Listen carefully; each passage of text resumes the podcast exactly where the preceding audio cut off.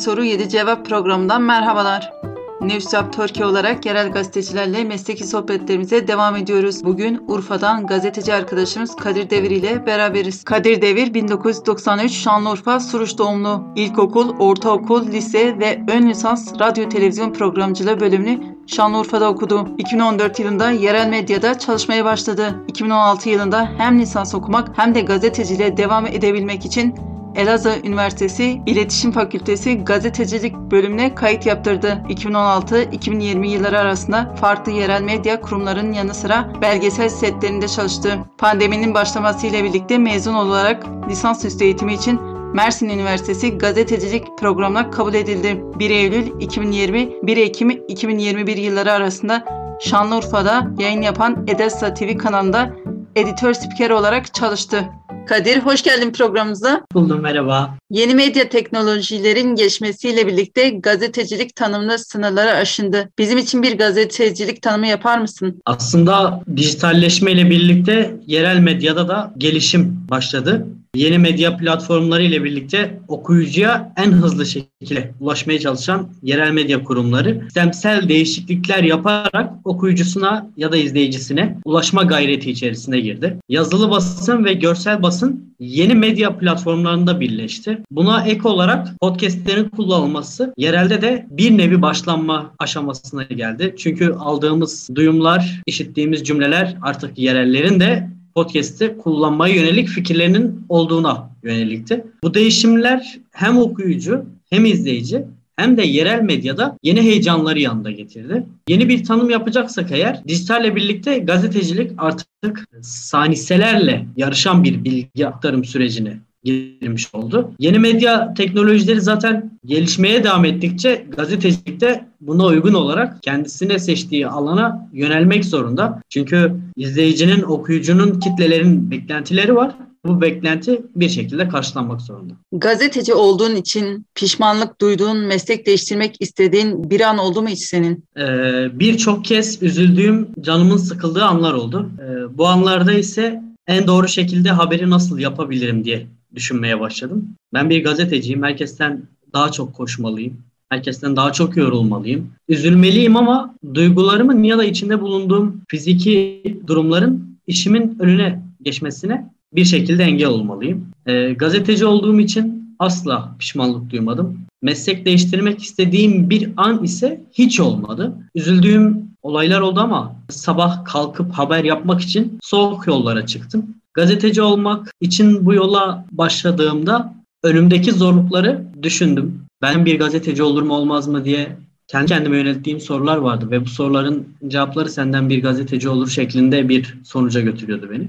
Asla gazeteci olduğum için pişmanlık duymadım. Tabii ki mesleği daha iyi şartlarda yapabilmeyi dilerdim yerelde çalıştığım süreç içinde. Ama o şartlar el vermedi. Ben de yoluma gazeteci olarak farklı kulvarlarda devam etme kararı aldım. Bölgenizin özellikle bu anlamda Urfa çok dilli, çok kültürlü yapısının yap yerel haberlerde yansıtabildiğini düşünüyor musun? Aslında değindiğin gibi Urfa bir mozaik, Kürdü, Türkü, Arap'ı. Onun yanı sıra dinler olarak da farklılıkların olduğu bir bölge, bir şehir. Tam bir ifadeyle söyleyecek olursak Urfa'yı göz önüne aldığımızda insanların gözünün önünde bir mozaiği izler gibi his oluşuyor. Ama haber yapılarında çok dilli bir haber işlemek sıkıntılı bir süreç olarak karşımızda duruyor. Siz de bilirsiniz ki resmi yayın yapan yerel medya organları belirli dillerde yayın yapmak için belirli lisanslara sahip olması gerekiyor. E, bu lisanslara sahip olamadığımız sürece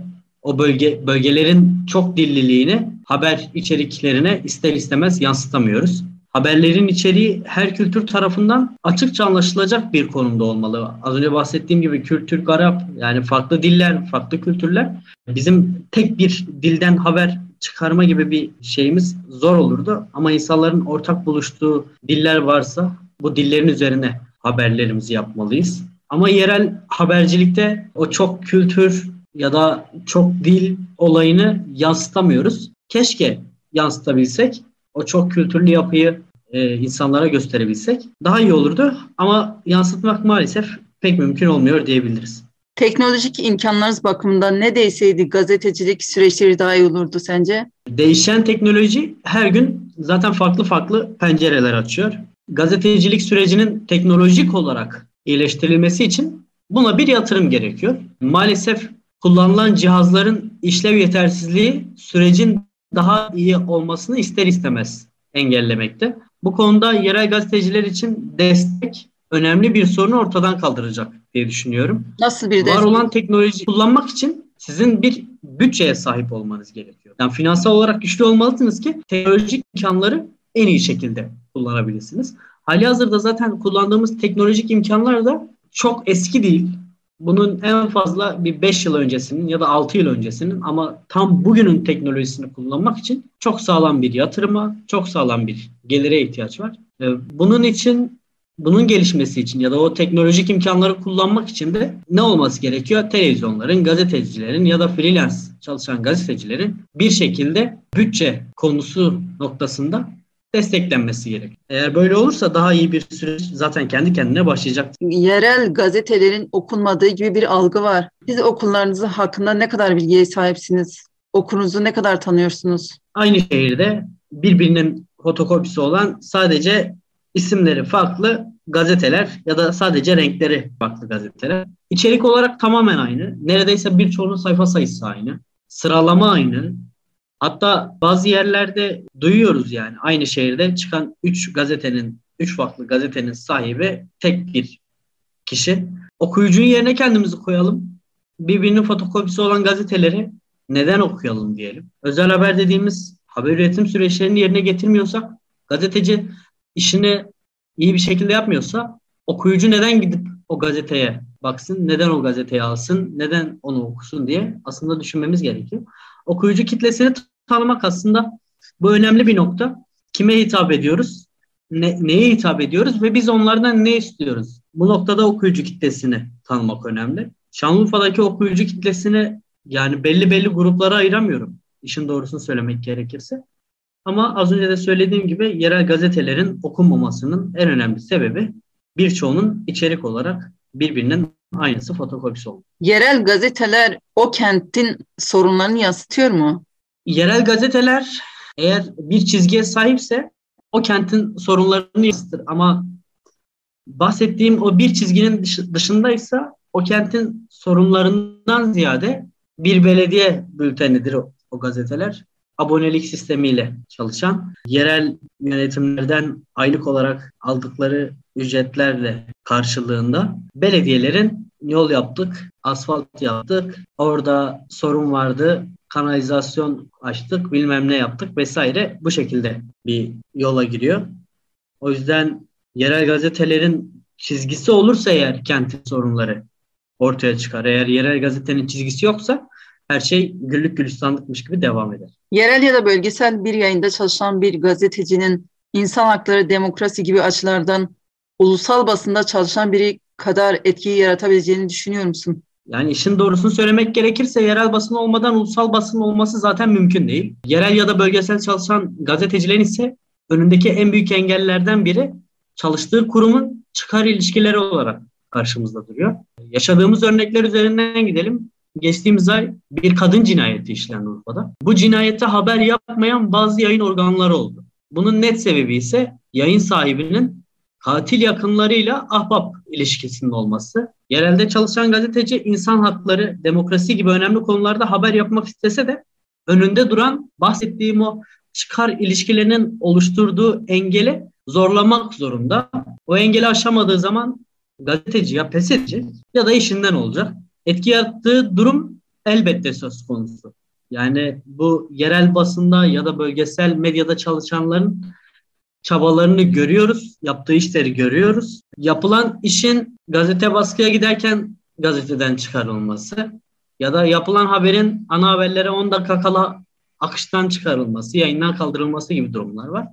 O gazeteciyi düşünelim şimdi. İnsanlar için bir mücadele veriyor ama yaptığı haber kendisi eve gitmeden silinmiş oluyor. Gazeteden kaldırılmış oluyor ya da yayından kaldırılmış oluyor. Bir nevi sansür var. Sansüre uğruyor.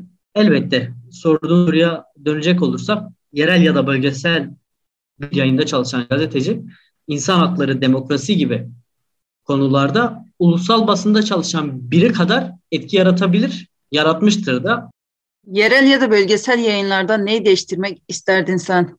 Değiştirme şansım olsaydı aslında yerel medya çalışanının sansüre uğramayacağı bir çalışma ortamı olmasını dilerdim. Kurum sahiplerinin tekelleşmeden uzak olması güzel olurdu aslında. Kurumun maddi çıkar endişesi haberin önüne geçmeyeceği bir ortamda gazetecilik tabii ki hakkıyla yapılır. Buna ek olarak gazetecilerin özlük haklarının verildiği bir sistem olmasını canı gönülden isterdim meslektaşlarım adına. Ne yazık ki yerelde çalışan çoğu meslektaşlarımızın hakları teslim edilmiyor. Hakkını isteyene de işini kaybetme tehdidi yapılıyor. Gazetecinin günlük yaşamını idame ettireceği ne ücret ne hayat standartları gazeteciye maalesef tanınmıyor yerelde.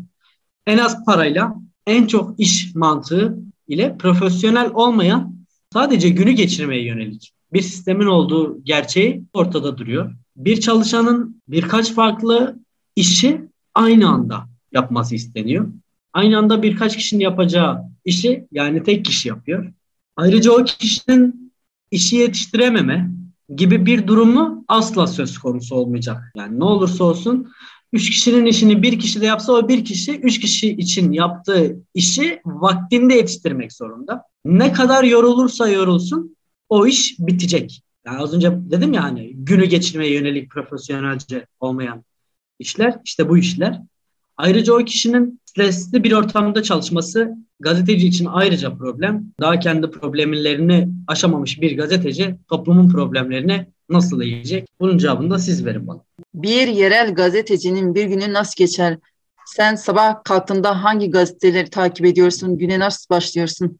Gazeteci evinden çıkıp çalıştığı yere ulaşana kadar zaten şehrin o günkü sorunlarının bir kısmına tanıklık eder. Birkaç soru önce sorduğun şeye gelelim. Fotokopi makinesinden çıkmış farklı isimli gazeteleri okumak yerel hakkında bilgiden ziyade belediye bültenlerini okumaya benziyor.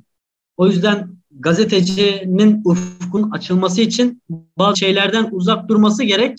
Şahsım adına konuşacak olursa gündem taraması yaparak ben başlarım güne. Daha doğrusu ben buna geceden başlarım. Geceden gündem taraması yaparım. Almam gereken notları not alırım.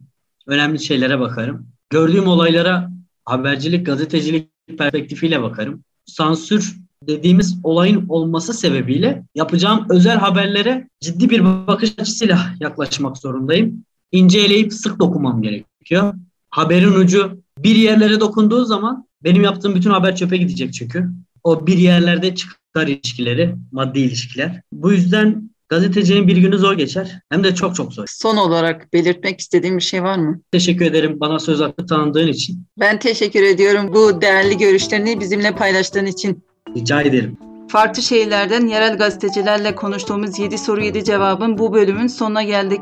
Farklı şehir ve ekollerden gazetecileri dinlemeye devam edeceğiz. Soru ve yorumlarınızı Nistap Türkiye sosyal ağ hesapları üzerinden bizlere iletebilirsiniz. Dinlediğiniz için teşekkür ederiz.